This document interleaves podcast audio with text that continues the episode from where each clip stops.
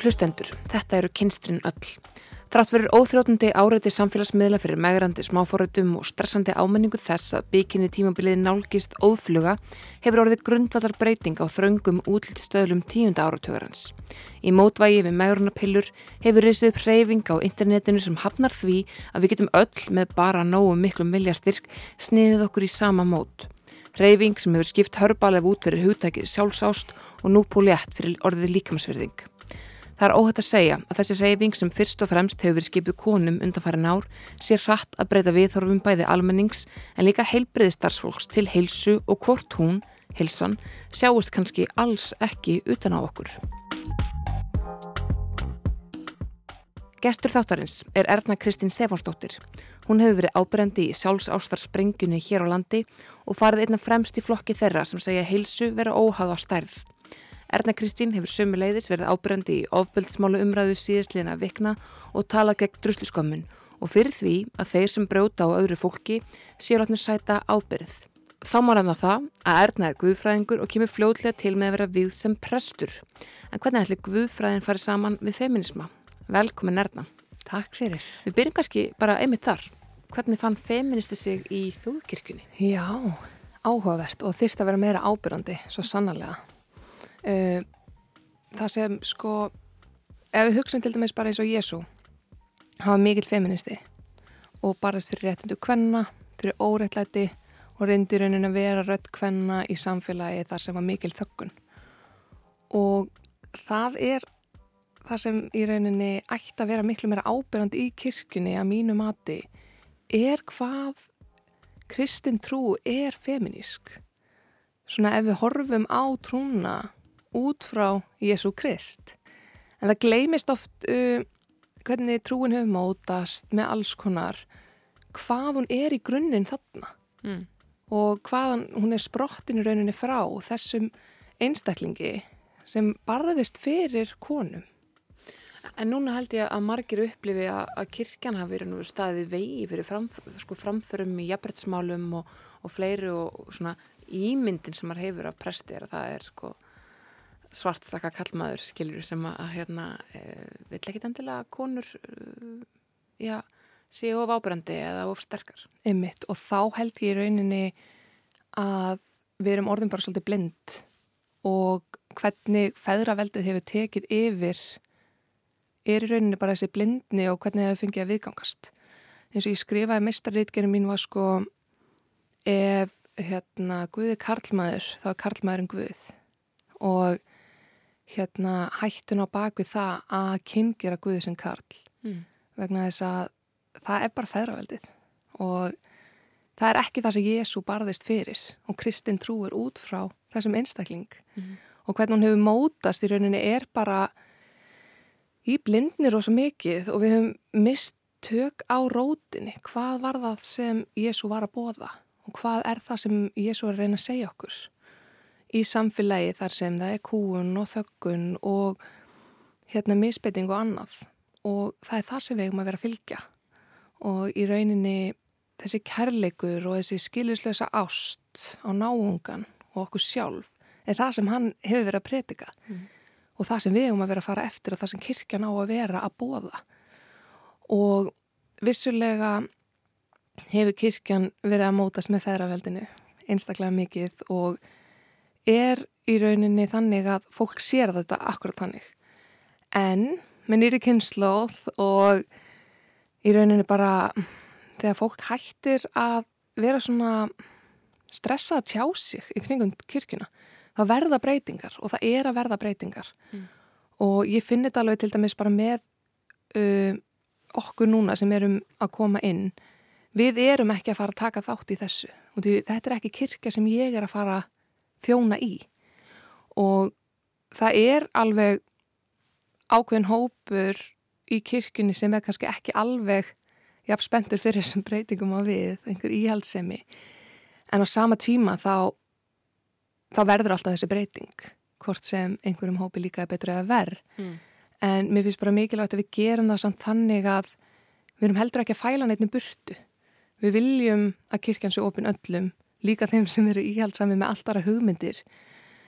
En á sama tíma þá viljum við samt að kirkjan sé þannig að fólk upplifi kirkjuna sem opið hús fyrir alla burt sér frá viðhórið til lífsins, trú, uppruna, kyni hvað sem það er. Og því það var það sem Jésu barðist fyrir mm. að allir hafa pláss Þannig að um, í, svona, í þínum huga þá kannski um, horfur þú og einbitiði frekar að, að einmitt því sem að, að Jésu sangat biblíunni á að hafa sagt mm -hmm. uh, við sína læri sveina og, og þá sem að hann predikar það fyrir en ekki endilega svona, þá hluta biblíuna sem eru kannski já svona harðari og, og tala um refsingar og hlutverk eiginkonunar og svo framvegs Sko, ef maður pæl líka í því sko, biblían er full af alls konar frásögnum frá alls konar fólki. Og það getur þess vegna bara verið eins og ef við myndum skrifa biblíuna í dag þá verður hún líka full af frásögnum frá alls konar fólki. En væri það samt endilega frásögnin sem þarf að fara eftir? Mm. þetta er til dæmis eins og einhver myndi standa úti hérna á plani og kalla yfir alla að það væri synd að vera samkynniður og konur ættu að vera heima og elda og, og hérna trans væri ekki bóði og við varum bara, ah, hann segir orðið, ok. Af hverju eru við þá að taka mark á frásögnum sem eru yfir 2000 ára gamlar? Emitt. þú veist úr þessari bók sem á í rauninni að sína okkur svart á kvítu að við erum komin lengra og við erum að gera betur en frásagnir fólks á tíma sem var ekki komin lengra. Mm -hmm og þá einmitt sér maður hvernig Jésu er að berjast fyrir þessu og þá finnst mér alltaf eitthvað svo steikt að hérna að við séum að fara frekar eftir frásögnum frá alls konar fólki með alls konar hugmyndir. Og því þá var það bara sama og við myndum sjá eitthvað á Twitter og við myndum bara já, ég fer eftir þessu. Því þetta er því allt ritað í okkar biblíu í dag. Alls konar úr kommentarkerfin og DFF og, og ef við myndum ímynda okkur já, byrju fólk er að fara að taka þessum sem heilum sannleik. Og svo er náttúrulega auðvitað mismunandi að fólk segja bara já en þetta er að koma frá Guði einhver svona ákveð, ákveð hérna sem hefur byrst í biblíunni líka bara hvernig fólk upplifði Guð og þá aftur er þetta frásögn frá random mannesku mm -hmm. sem upplifði Guð á þennan hátt og það þýr ekki að það sé okkar upplifin En hvað kemur trúin til þinn? Hefur alltaf verið trúið? Hvað þýðingu hefur hún einhvern veginn í dag fyrir þér? Sko, nei, ég hef ekki alltaf verið trúið en, eða, það er svolítið erfitt að segja ég Ég hef auðvitað einhvern veginn alltaf verið trúið en ég sagði skili við trúið ákveðin tímpundi. Þetta er frekar orðaða svo leiðis. Ég hérna ólst ekki uppið mikla trú á heimilinu nema bara í kringum ömmu. Fóð með mér svona kveldbænirnar, fóð með mér í sundarskólan, uh, skráði mér í kirkikórin og alls konar svona en ég kynntist kirkini svona aðla í kringum hana. Um, ég veit ekki alveg, sko það var, ég var mjög sérstaklega krakki. Ég var með hérna Ég var uh, á virk með ADHD og ég lendi í áfalli sem barn og hérna ávirknin fer svona inn á við. Þannig að hún verður svolítið svona undarlega ymdar tilfinning þegar krakki ánáttúrulega bara verður upp á skúfum og hlaupandi í þúsund ringi, eitthvað gerist og maður fer alveg inn í sig. Þannig við var rosa mikið fyrir mig einhver faðumur sem greip mig hvert skiptu. Ég uppliði mig ekki eina í þessari veröld sem ég uppliði mig í rauninni alveg eina. Þannig ég held ég hef ekki átta mig á því fyrir almennilega því ég var klára námi hvað þessi kraftur var mikilvægur fyrir mig þá. Og þegar ég saði skili við trú, þá var það meira svona í kringum kynþróskan vegna þess að batnatrúin einhvern veginn sett þannig upp að Guði kallmaður í skíjónum sem fylgis með okkur og refsar okkur eða þú veist, klappa fyrir okkur þegar við gerum eitthvað rétt eða rámt sko, sem mér fannst var bilaslega sikk og ég var ekki að tengja, þú veist, ég var búin að átta mig á því að, þú veist, tannalónum var ekki til og jólusendin var ekki til og auðvitað guð þó ekki til, ef hann settur upp í svona einhverja stikta æfndramynda einhverjum kallmanni, sko. Þannig ég saði skili við trúið þarna. Og mér fannst það ógeðslega erfitt, en ég átti líka bara ógeðslega erfitt með að finna hann faðum hjá einhverjum kallmanni og ég hef mína áfallasögu og eina manneskjan eða manneskjana sem hafa broti á mér eru kallmenn. Þannig að mér fannst einhvern veginn ókslega stangast á við mitt öryggi og mína ró að þessi faðmur væri kallmaður. En svo þegar ég hugsaði tilbaka því ég var bad, þá var þetta aldrei kallmaður. Það var alltaf bara einhver faðmur, einhver orka, eitthvað svona sem var að venda mig. Mm. Það var, var kannski aðeins bókstafleiri í þeim hugmyndu þegar þú varst kendróska og þá frákverði. Ymmitt og þá svona sagði ég skilji við þetta og fer síðan einhver hlutavegni í Guðfræðinu samt sem aður og ég næ einhvern veginn að móta þetta rosa mikið kringu Guðfræðina hvernig hvað er Guð fyrir mér? Og það hefur í rauninni við og er í dag bara svolítið svona mitt innra sjálf. Mm. eitthvað sem hvetur mig áfram og er tilbúið að grýpa mig og mín svona helsta kvartning og þetta er allt ég. Og eitthvað sem kemur, þetta er bara svona orkusvið mitt. Og mér finnst rosalega mikilvægt og þess vegna einmitt eins og mistari rítkjörnum mín var ef að Guði kallmaði það er kallmaðurinn Guð hvað þetta getur verið toxic og hvað kristni var tekin af feðraveldinu og mótu á þennan hátt til þessi raunin að kúa konur og börn.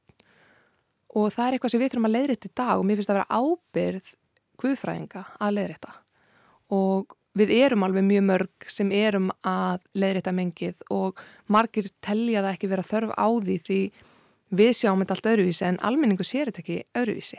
Og það þarf þess vegna að bara fara alveg í grunninn og við hafa þetta bara algjörlega mjög auðvelt og alltaf því ég tekið þessu umræðu þá fæ ég alltaf þakkir og ég fæ alltaf eitthvað svona þakklæti fyrir það takk fyrir að hjálpa mér að finna trúna mína aftur.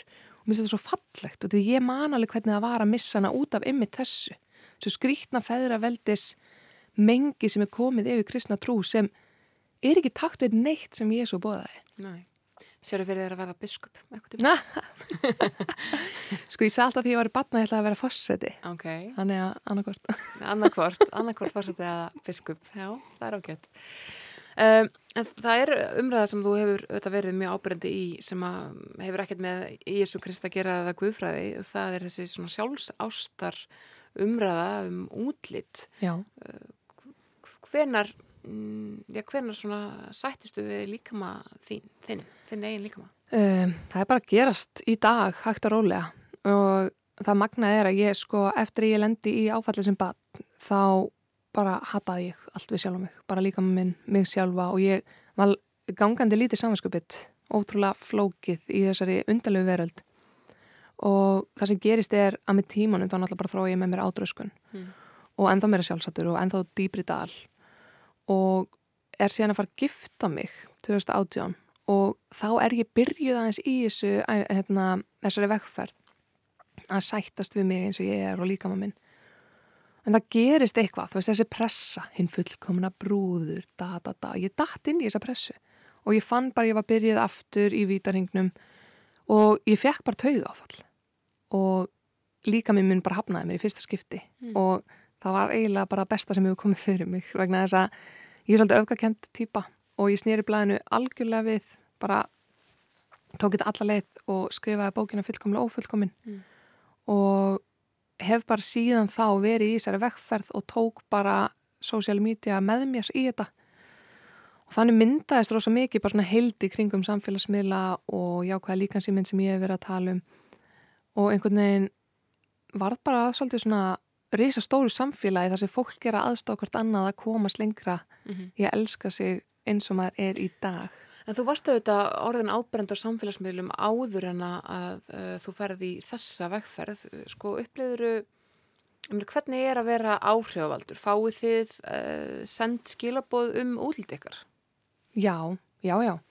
Uh, sko Ég var einmitt orðin ábyrjandi á samfélagsmiðlum og mér það gaman að tala um hvað af hverju það gerist. Ég var í Guðfræðin áminu og við vorum ekki með neitt á milla handana. Mm -hmm. Við hérna, uh, ég sæs að eignast þennan litla dreng uh, 2014 og er í Guðfræði og hérna er á þú veist skólastyrk sem 125 á mánu sem er fæðingarólofi. Mm -hmm. Maðurinn minn er að byggja þarna hús eða stúdjó í hverja gerða þannig hann er tekjulegs og við vorum bara að byrja að sjá fram á það að við þurftum að flytja úr Reykjavík með unga batnið okkar inn á tengdó á Selfossi. Og ég í háskólan á mig þannig ég sá bara fram á það að ég myndi senka rosa mikið í náminu vera bara, þú veist, inn á tengdó eitthvað, þú veist, ég var bara, nei, þetta getur ekki gerst. Og svo kynnist ég hérna Línubyrgitu sem margir þekkja í gegnum Chrome.ri sem er svona bloggsíða. Þar var ég að blogga fyrir, þú veist einhvern smá pening fyrir einhverja pistla svona aðeins til að geta kæft í matinn og er að teikna myndir til að selja í rauninni. Svona aðeins til að reyna að fá smá auka pening og ég var náttúrulega í þannig standi að ég gæti ekki verið í nefni vinnu vegna þess að ég var bara með unga vatn í fæðingarólofi og það hefði ég líka mist styrkin og hann alltaf lítill til að fara í gæslu og eitthvað. Þetta var ógeðslega flókið en það sem gerist er að hún er bara eitthvað, hæ, ert ekki á Snapchat? Og ég eitthvað, hó, hvað er Snapchat? Og hún eitthvað, í hvaða helli ertu? Þannig ég opna Snapchat og fyrir að selja myndirna mínar þar. Mm. en það sem gerist er bara að það tekur bara eitthvað allt aðra beigju og ég er alltaf bara að byrja að auðvisa fyrir fyrirtæki. Mér fannst það aldrei neitt sérstaklega gaman. Nei. en ég var komið tekjur og við vorum byrjað að sjá fram á að við þurftum ekki að segja upp leigunni og flytja á Salfors inn á Tengdó með unga vatn og litli loksins komin í gæstlu og ég var byrjað að fá tekjur og ég var bara fokkit, ég heldur svo bara áfram, ég þurfti sko að draka tvö rauðvinsklaus til að fara fyrst í frontkameruna. Því ég var alveg bara, ég skalv úr stressi. Þannig þetta byrjaði svona hjá mér og þú veist, ég þurfti ekki svo að kaupa leikskólafutt á hann, þú veist, og því ég var alltaf bara komin með eitthvað svona, já, samstarfi á Lindex og ég bara fekk öll fötun og ég hugsaði bara, ég reiknaði þetta saman. Ég bara, vá, ég hefði ekki eins og geta kæft þetta. Þannig þú veist, þetta bara byrjaði einhvern veginn svona og margir af að hugsa kannski bara, sétt konar aðdeglisjúk eða vá hvað þetta er eitthvað sjáðu mig að ég er frábær og barnið mitt er í flottum fötum en þetta var ég bara actually, að krafsi bakkan og grenni í kottan á kvöldin úr peningaáögjum og streitu í háskólan á mig. Þannig að þú veist, mér er svo, svo gaman að segja þessa baksug Algjörlega, þetta er bara frábær saga. Og því fólk er einhvern veginn kannski upplifur þetta allt öðruvísi en gleymir ofta að hugsa bara að manneskjarnar bakvið oft er einhver ástæð fyrir öllu. En, en útlitspressan, þegar orðin svona þetta ábyrrandi og einmitt að kynna ofta kynna sko áhrifavaldar kynna oft hárfurur, mm. snirtifurur uh, emitt, falleg född eitthvað sem að lætur mann líta ómótstæðilega út Einmitt. en er þá ekki svolítið pressa að vera ómótstæðilegur? Jó, líka sko á þessum tíma þá var einn sem sendi mér sem hefur verið að fylgja mig bara frá því að opnaði snabbtjátt mér þótti samt svo vænt um þetta hún var ótrúlega stressað að senda þetta hún bara, mannstu þú varst að auðlýsa fytufrystingu ég bara oh my god já oh my god. Þú veist, það var einhvern veginn kring 2015 og ég var að auðvisa fytufristingu getur við bara aðeins tekið moment bara, þú veist, í fyrsta lagi nei, það virkar ekki. Það er alveg sama ekki. hversu vel útskýrt þetta er en nei, þetta virkar ekki. Og ég var að auðvisa þetta.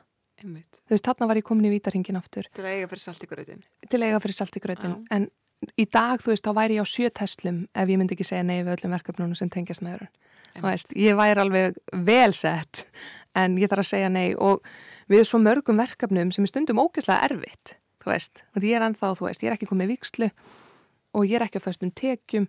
Og svo fæ ég kannski bara, herðu við ætlum að auðvisa þessar pillur hérna sem að taka alla sigurlengun og þú hverfur bara einu mánu, þú veist, en þú fær þessa uppað fyrir og ég bara eitthvað, shit, ég er á yfirdrætti hérna og mamma var að lána mér mm, nei, takk, þetta stangast á við, þú veist, Einmitt. en ég myndi aldrei gera það. Nei þú veist, ég verð þá freka bara blöng en þess vegna er ég svo þakklátt fyrir skilningin að þegar ég er með auðlýsingar að fólk hefur skilning fyrir því, þú veist. Mm -hmm.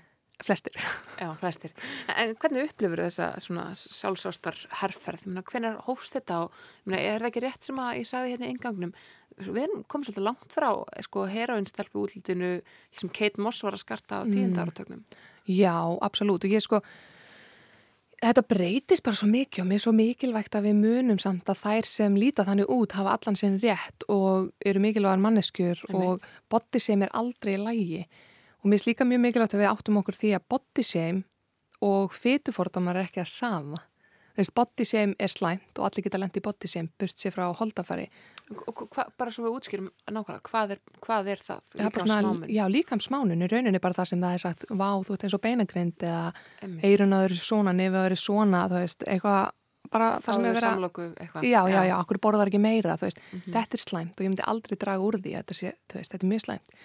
Hins vegar er þetta ekki að sama og fytu fordómar vegna þess að það er ofbeldi á jaðarsettan hóp, mm. þú veist, sem hefur engan séns, þannig þetta er svona dobbul ofbeldi í rauninni mm. og mér finnst þetta stundum verða að flóknast að útskýra fyrir fólki sko hitt er slæmt, þetta er ekki að sama bæðið er slæmt en þetta er ekki að sama Nei. þú veist, body shame á fólk sem er sann fullkomlega samflíkt þannig sé af kerfinu þú veist, þú getur farið í alla verslanir, þú getur farið í flugvilan þess að borga auka pening, þú getur farið í sundan þess að vera, þú veist litin hortnöga eða þú getur tiltir í hvað stól sem er, þú getur keiftir född hvar sem er tryggingafélagið er ekki að bögga þig þú veist, þóttu sért kannski alveg við grafabakkan þá er þeim alveg samáttuð, þú lítið þann út og sért ekki að fara á grafabakkan en síðan kemur manniski sem er feit og þarf að borga ekstra fyrir flugvél, getur ekki versla fötnum á netinu í sumum verslunum.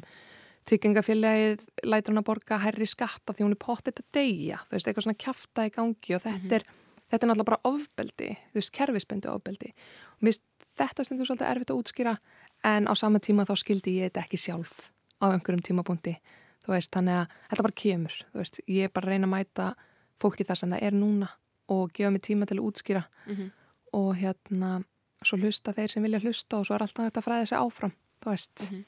En, en það er svolítið tala um heilsu í þessu uh, samengi og maður sér að þegar að, já, sérstaklega konur byrta uh, myndir af sér á samfélagsmynum, feitar konur sem er kannski í sundvötum eða eitthvað, að þá eru mjög margir sem að mæta í aðtóðsandakerfin og segja þar séu að, að uh, glamurvæða stór hættulegt ástand, Já. þú veist að það sé verða hérna Uh, já, það sem verða að búa til eitthvað, eitthvað fegur utan um offutur sem sé einmitt, stór hættulegt ástand. En, en, en það er kannski þetta er aðeins flóknar af það, myna, þetta snýst líka um andlega hilsu og þetta er, er það ekki? Jú, sko þetta er, þetta er bara miklu flóknara já. og ef mannslíka minn væri svona um, auðveldur þá getur ég rauninni bara lofa því að allir feitir einstaklingar væru mjóir út af því þau verða fyrir svo miklu ofbeldi að þau myndi aldrei kjósa þessa stærð mm -hmm. sem er rosa skrítið að segja þetta hérna en málega er sko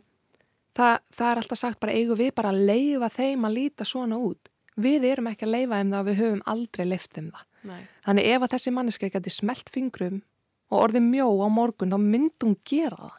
Það verður bara auðveldara Já, og Já. bara miklu auðveldara þess að skilum að allar manneskjur sem vilja grenna sig og því að verða fyrir svo rosalega miklu ofbeldi. Og hérna og þegar fólk segir einmitt bara eitthvað vámist óksla klikka við ætlum bara að leifa um að líta svona út hvenar hefur niðurlægin hjálpa fólki að verða hamingisamt? Já, það er spurning. Þú veist, bara þið getur bent mér á eitt punkt, þú veist, það er ekki hægt, þannig að Veist, og líka það að setja allt feitt undir sama, allt feitt fólk undir sama hatt að þessi óheilbrygt mm -hmm. eru svo miklu fordómar. Þetta væri eins og við myndum setja bara allt, þú veist, ljósart fólk undir þann hatt sem hefur nú reynda vera gert mjög oft, undir að vera heimst, mm -hmm. fattur við. Þú veist, við vitum að það er djók, en við samt í alverðinu trúum því að allt feitt fólk sé óheilbrygt. Og latt. Og latt ja. og óskiplagt og þú veist, og það er ekki rétt. Það hafa ekki rannsóknar sem sína til dæmis að Uh, feitar konur eru líklega til að fá lægri laun heldur en feitir karlar. Það er að segja að það verðist ekki holdafar kalla, verðist ekki skipta máli fram að þeirra en hann skiptir tölveru máli fyrir konur. Sko, mm, en konur eru mest áberandi í þessari uh, sjálfsástar reyfingu. Heldur það að segja af því að, að, því að það eru upplifið meira ofbeldi heldur en kallar í Sko pressan á konur og útleitt hvenna hefur alltaf verið meiri. Mm -hmm. um, máli er að hérna, body positive reyfingin kemur út frá reyfingu sem heitir fat acceptance sem er í rauninni komin út frá svörtum feitum konum sem eru hvað mest á jæðurinnum. Bæði fyrir hérna, lit og holdafar og hérna síðan byrjar þessi bylting að rulla og fleiri byrja að taka þátt og þess vegna finnst mér svo mikilvægt að grannar kvítarkonur eins og ég síðan ekki að nota þetta hashtag body positive heldur freka bara body acceptance eða eitthvað en við liftum upp hínu hashtaginu mm -hmm. og því við eigum ekki verið að taka speysið af feitum svörtum konum sem eru að reyna að finna space fyrir acceptance. Mörgum finnst þetta líka mjög flókið. Algjörlega. En það er bara þannig að við fáum meira af hérna áhorfum, við fáum fleiri læk, við fáum meira lof mm. en feitar svartar konur. Þannig við tökum speysið mm. og það er ekki jákvægt. Þannig við þurfum að lifta upp þessu speysi og hægt að taka það. En varðandi kallmenn, þeir eru alltaf í forréttundastöðu bara út í þeir eru kallmenn. Uh, Mismikilli auðvita. Það er búið að setja upp þessa íminn sem er bara pjúra feðraveldið í að feiti kallmenn eru alveg sexy og pappabumba er í lægi en konur þurfa að fela það að þar hafi gengið með barn sem er bara mesta, þú veist, miracle sem lífið getur búið upp á. Mm -hmm. og við þurfum að fela öll ummerki um að við höfum gengið með staðista sem lífið býður upp að, þú veist, pældi þessu hvað þetta er líka mikið færaveldi, að gera svona lítið úr meðgöngu og fæðingu. Þú veist, mér finnst þetta svo áhugavert vegna þess að hæ, er þetta út af því að kallmenn get ekki gengið, þú veist, sumi kallmenn, þú veist hvað ég menna get ekki gengið með börn uh, og fætt þau og þá þarf að gera lítið úr þessu út í það erum við sem gerum þetta hlutverk og þá skulum við bara fela öll ummerki Mhm. veist. pressan á líkama hvenna er og hefur alltaf verið allt öðruvísi þótt að það má ekki gleymast í umræðinni að jáka líka sem þetta er fyrir öll þú veist, strákar eru með nákvæmlega sömu kompleksa það er bara öðruvísi pressa Mm. og á sama tíma þá finnst mér mikilvægt í minni umræði að bjóða alla velkomna og stráka líka út af því, þú veist, vöðvafíkn, ádrauskun, sjálfsattur, þetta er líka myndast í á ungum drengjum sem eru með þessa pressu að þurfa að vera vöðvastæltir og lítið eins og Kristján Ronaldo og þú veist, allt þetta. En ef við bara setjum þetta í samengi þarna varandi feitakalla og konur og læri laun, þú veist, það er líka þannig að feitar konur eiga erfiðara með að fá leigusamning og bara vinnu yfir höfuð og því að búa að stimpla ákveðna mynd á þær að þær séu ekki ábyrgar. Og ég meina Kári Stefáns kastaði einu svona út í algjöru sam, þannig að það var ekkert samengi þegar hann talar um að feitir einstaklingar séu almennt með læri greindavísustölu og þú veist, það er alveg rétt en hann sagði samt ekkert af hverju eða neitt samengi í kringu það sem er svo slæmt því almenningu tekur því bara þannig að ef þú ert feitur einstaklingur þá ertu heimskur. Og maður hugsa af hverju heldur, heldur að sé út í fitan? Er búin að umlíka heilan eða neðust hvað heldur að sé? Og fólk er bara eitthvað, já, já, ég mitt, það kannski meikar ekki sens, ég bara eitthvað, nei, en af hverju heldur þá, já, því Kári Stefán sagði það, hann hefði ótt að segja það í samingi við það að feitir einstaklingar eru líklæri til að fara úr mentakerfinu út af mismunun, út af ofbeldi og eineldi Mm. og lágu sjálfsmati og hérna þess vegna getur verið að greindavísistalan þeirra sé lægri en hjá forréttinda einstaklingum og það veist, kom líka fram í bandaríkjanum að svart fólk er með lægri greindavísistölu en það er nákvæmlega vegna þess að þau verða fyrir mismunum ofbeldi og kærspöndu ofbeldi og eru ólíklegri til þess að komast inn í fínu háskólana uh, út af rasisma og öðru. Þannig það sem hann sagði er rétt en það er bílaslega sorglegt að þessi rétt og það er undir okkur komið sem erum í forréttendastöðu að rétt þetta af og nýta röttin okkur og plássi okkar og vera síðan á sama tíma dögleg að pass the mic til þeirra sem eru löngu byrjuð, löngu byrjuð að tala um þetta. Ég kom inn, veist, það var búið að tala um þetta í mörg, mörg ár, svo þegar ég kem inn þá er allir bara, já, út af því það er hlusta á mig því ég er hvít forréttindakonna Emitt. í réttri stærð, þú veist, þannig í réttri. Þú veist, ég með einhverja nokkra forréttindafellingar og fólk er bara, oh my god, út svo haugur og og maður er bara svona, já takk, þú veist, þetta hjálpa mér í mínu ferðalagi, en í hilda saminginu, hvað er þetta sikksamt? Og hérna, hann minnst þessu rosalega áhugavert, þú veist, hvaða er líka mikil ábyrð hjá honum sem svona stóri manniski í þessu samfélagi, Já, og virtum vísindamanni. já, virtum vísindamanni og ég, þú veist, mér finnst hann að mörgu leiti alveg frábær. En ég vildi óska þess að hann tæki meiri ábyrð á svona orðum út í samfélagið og myndi útskýra betur fyrir almenning hvað hann er að meina og af hverju þetta er svona. Af þeim sem hafa samband við þig út af um, langara að fara feta þessi leið að bara sætta sig við útlitt sitt Mhm. og, og einhvern veginn fara að huga meira að andleira heilsu og, og líkamlega kemur þá með og allt þetta. Hvað hérna, uh, hvað sérðu, hvað aldurshópur er þetta? Er, er, er, veist, er þessi hreyfing að ná til unglingstúlna eða er þetta ekki fyrir hana að, að konur og, og fólk er orðið 20 og eitthvað? Sko, þetta er í rauninni allur aldurshópur. Um, Sorgli staðreind er að stelpur uh, í leikskóla eru byrjar að hérna, hafna út, útlitinu sínu og þess vegna skrifaði ég bókina Ég vel mig til að ná lengra niður. Mm. Um, ég var líka með námskeiði allt sumar út frá þessu og það voru 6-9 ára börn og drengir líka og maður sá bara, þú veist, þetta er byrjað rosasnemma og við þurfum að taka í taumana áður en það verður stórt vandamál. Því í rauninni þá erum við alltaf að reyna að byggja upp einstaklinga til að verða sterkir í þessu samfélagi. En við erum að byggja einstaklinga bara á sandi. Vegna þess að það er ótrúlega skrítið að byggja upp stelpur með sterkar rödd sem hata samt sjálfan sig. Mm. og meiki ekki að horfa speil til að þær hata það sem þær eru og líkamann sinn.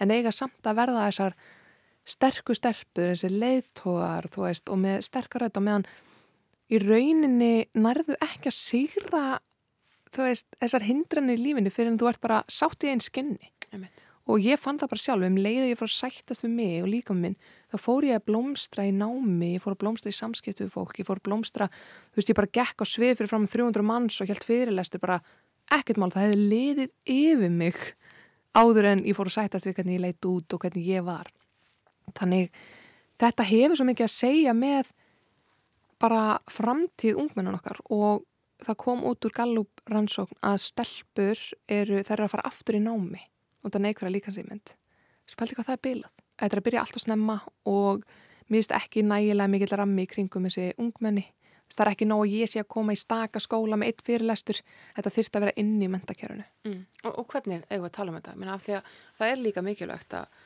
að, að þú veist, fólk hreyfi sig og borði heilsusamlegt og það er auðvitað ekki hægt að borða kókabási hvert mál en, en jáfnveg fólk sem borða kókabási, ég minna Maggi Mjó í Latabæ borðaði kókabási hvert mál, mm -hmm. þú veist, hann var bara linur en hann var ekki feitur, skilur. Já, já, já. En hvernig, þú veist, hvernig, hvernig, hvernig blöndu við saman heilsu umræðinni og umræðinni sko heilsan hefur samt ekkert í raun og veru með útlititt að gera mm -hmm.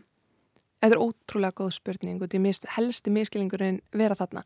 Málega er jákvæð líkansýmynd því þeir ekki óheilbreiði uh, um leið og ég var komið með þessa jákvæð líkansýmynd eða komin í þessa vekkferð þá fyrst fór ég að huga að líkamannum mínum og þessu musteri sem ber mig uppi.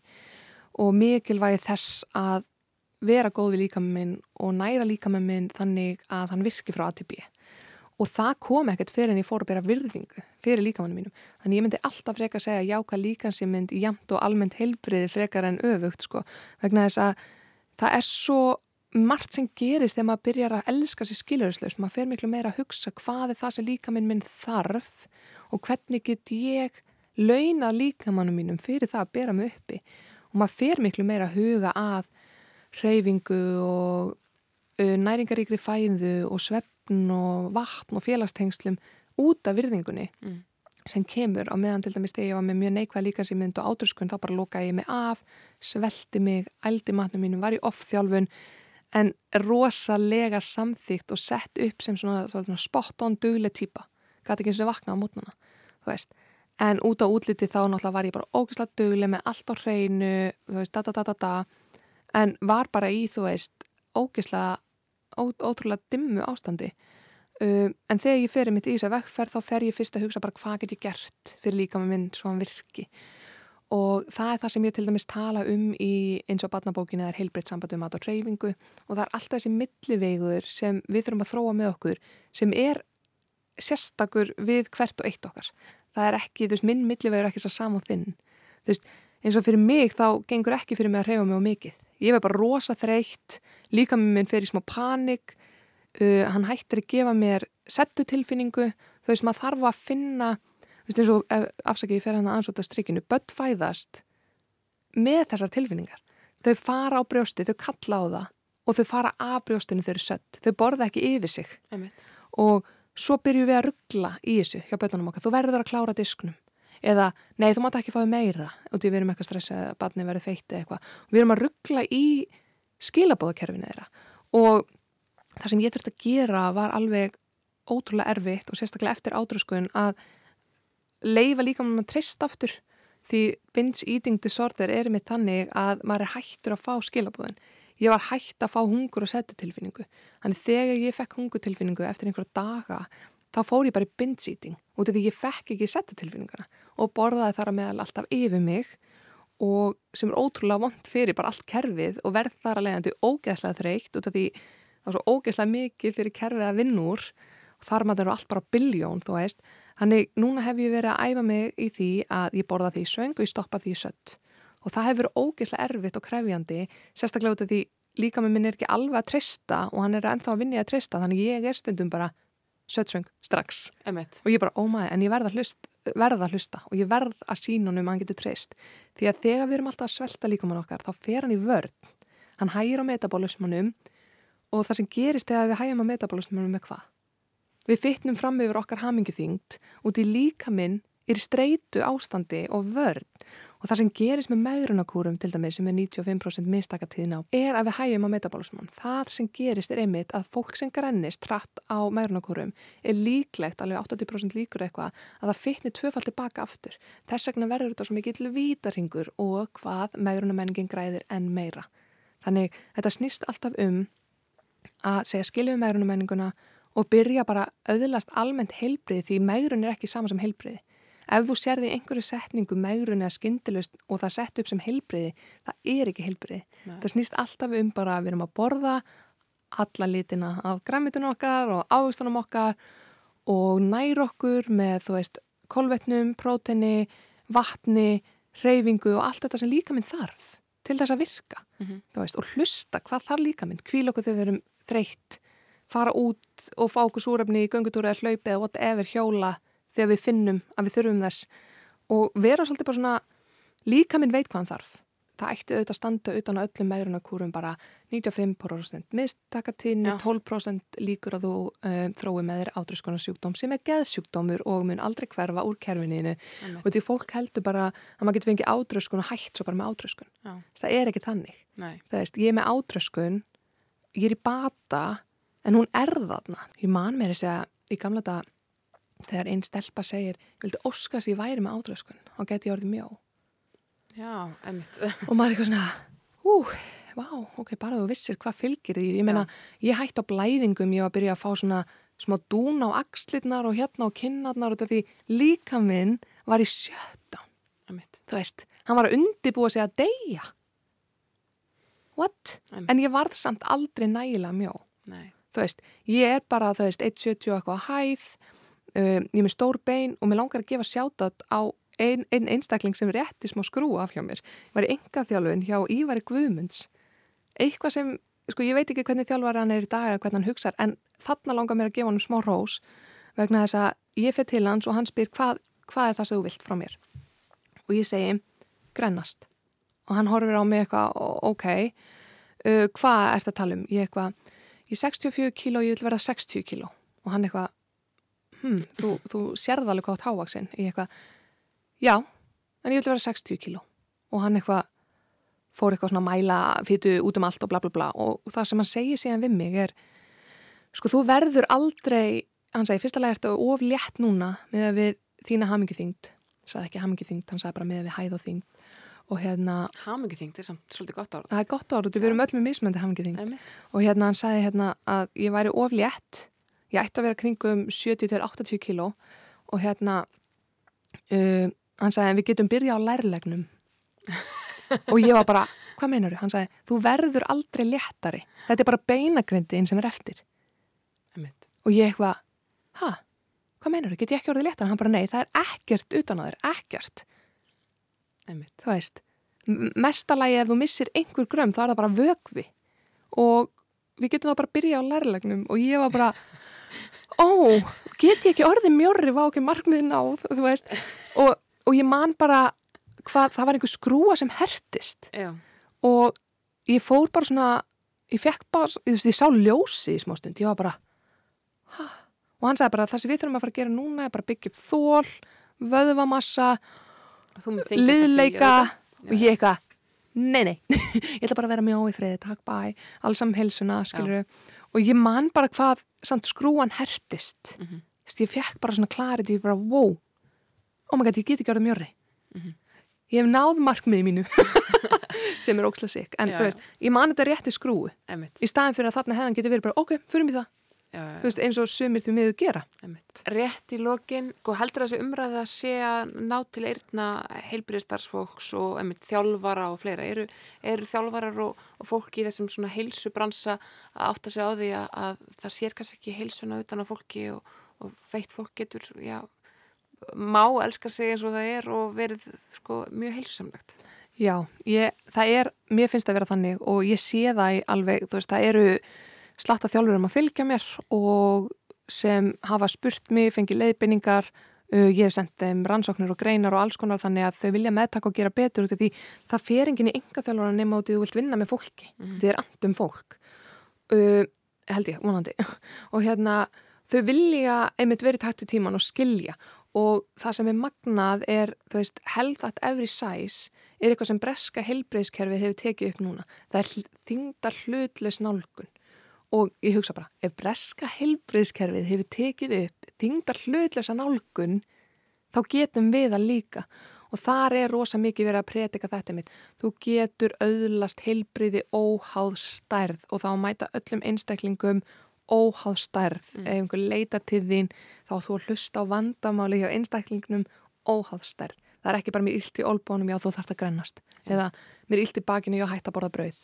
Veist, þetta eru fordómar innan heilbreyðskerfisins sem þarf að rétta af og mér finnst, þú veist, mér finnst að vera skið sérstaklega nút í Breitlandi og ef það gerist ymitt Breitlandi þetta er svo stutt frá okkur þegar það er orðið meira ábrendið fyrir gegn núna í desember þá er ég vissum að fleiri hérna takir við þessu líka er alveg krossa putta að það bara hlakka til í mér sko. Erna Kristinn, Stefansdóttur, Guðfræðingur og aktivisti, takk kærlega fyrir komuna í kynstrinu. Takk fyrir að fá mig.